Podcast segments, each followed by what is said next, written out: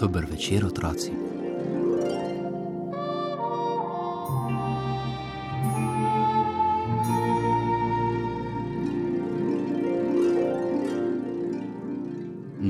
Je živela ljubka majhna deklica.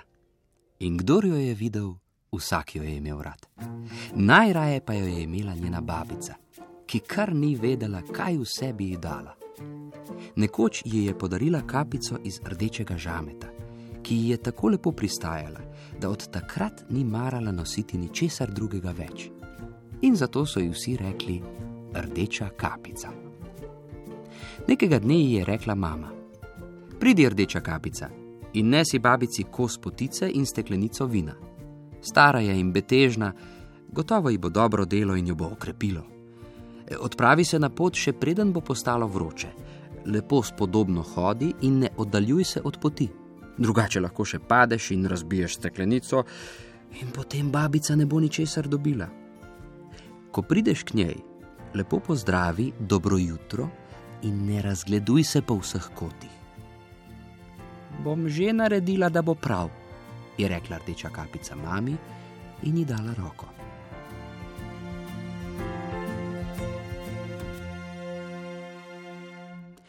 Babica pa je stanovala daleč zunaj v gozdu, pol ure hoda od vasi. In ko je rdeča kapica prišla v gost, je srečala volka. Ni vedela, kakšna hudobna žival je in zato se ga ni nič ustrašila.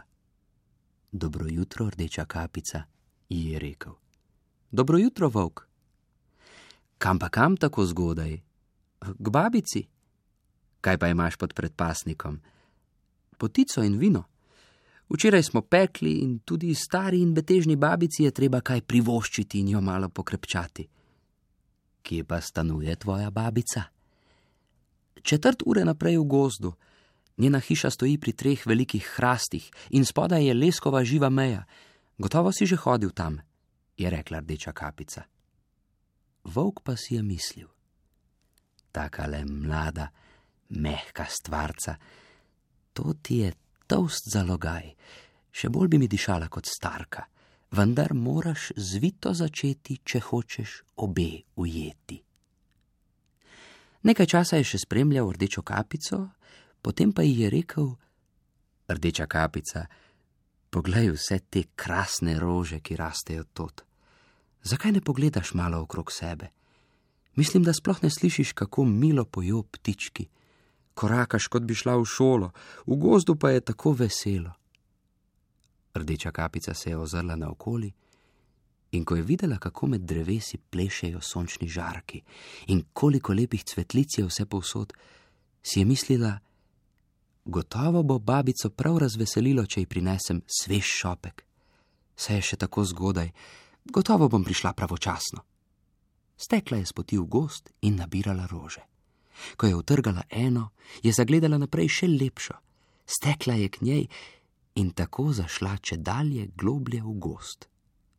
Volk pa je šel naravnost k babici in potrkal na vrata. Kdo je? Rdeča kapica.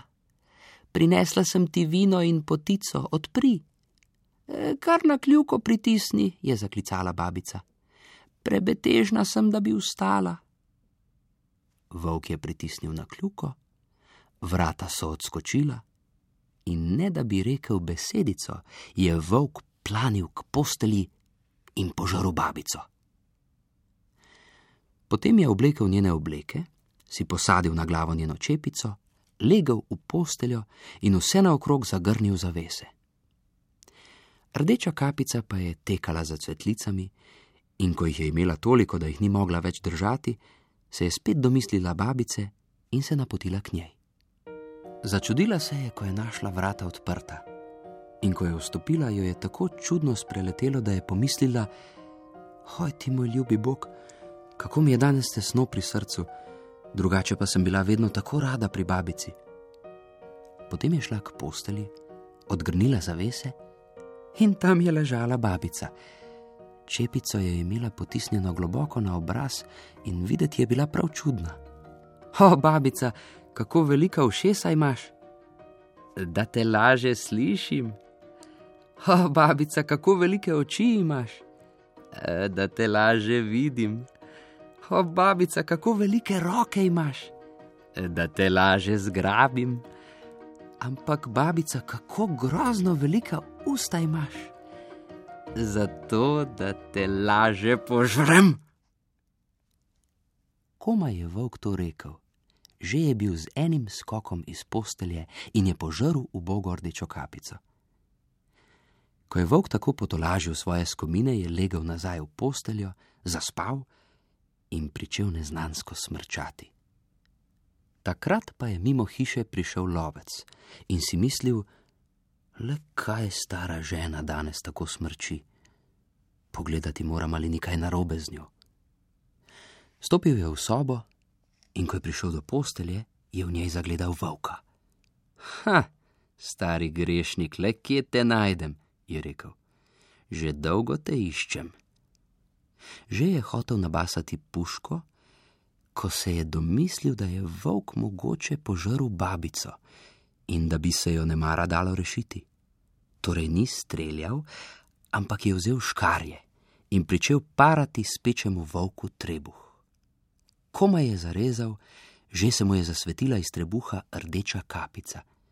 In še nekajkrat je zarezal, ko je deklica že skočila iz trebuha in zaklicala: Ah, kako me je bilo strah in kako temno je bilo v volkovem trebuhu. Tudi babica je prilezla še živa ven, vendar je komaj še dihala. Rdeča kapica je urno prinesla velike kamne in z njimi so napolnili volku trebuh. Ko se je zbudil, jo je hotel ucvreti stran, toda kamni so bili tako težki, da se je kar sesedel in padal mrtev na tla. Vsi trije so bili veseli. Lovec je dal volka iz kože in je odšel s kožuhom domov, babica je jedla potico in pila vino in si je spet opomogla, rdeča kapica pa si je mislila: Svoj živi dan se ne bom več oddaljila s poti in tekala po gozdu, če mi bo mama to prepovedala.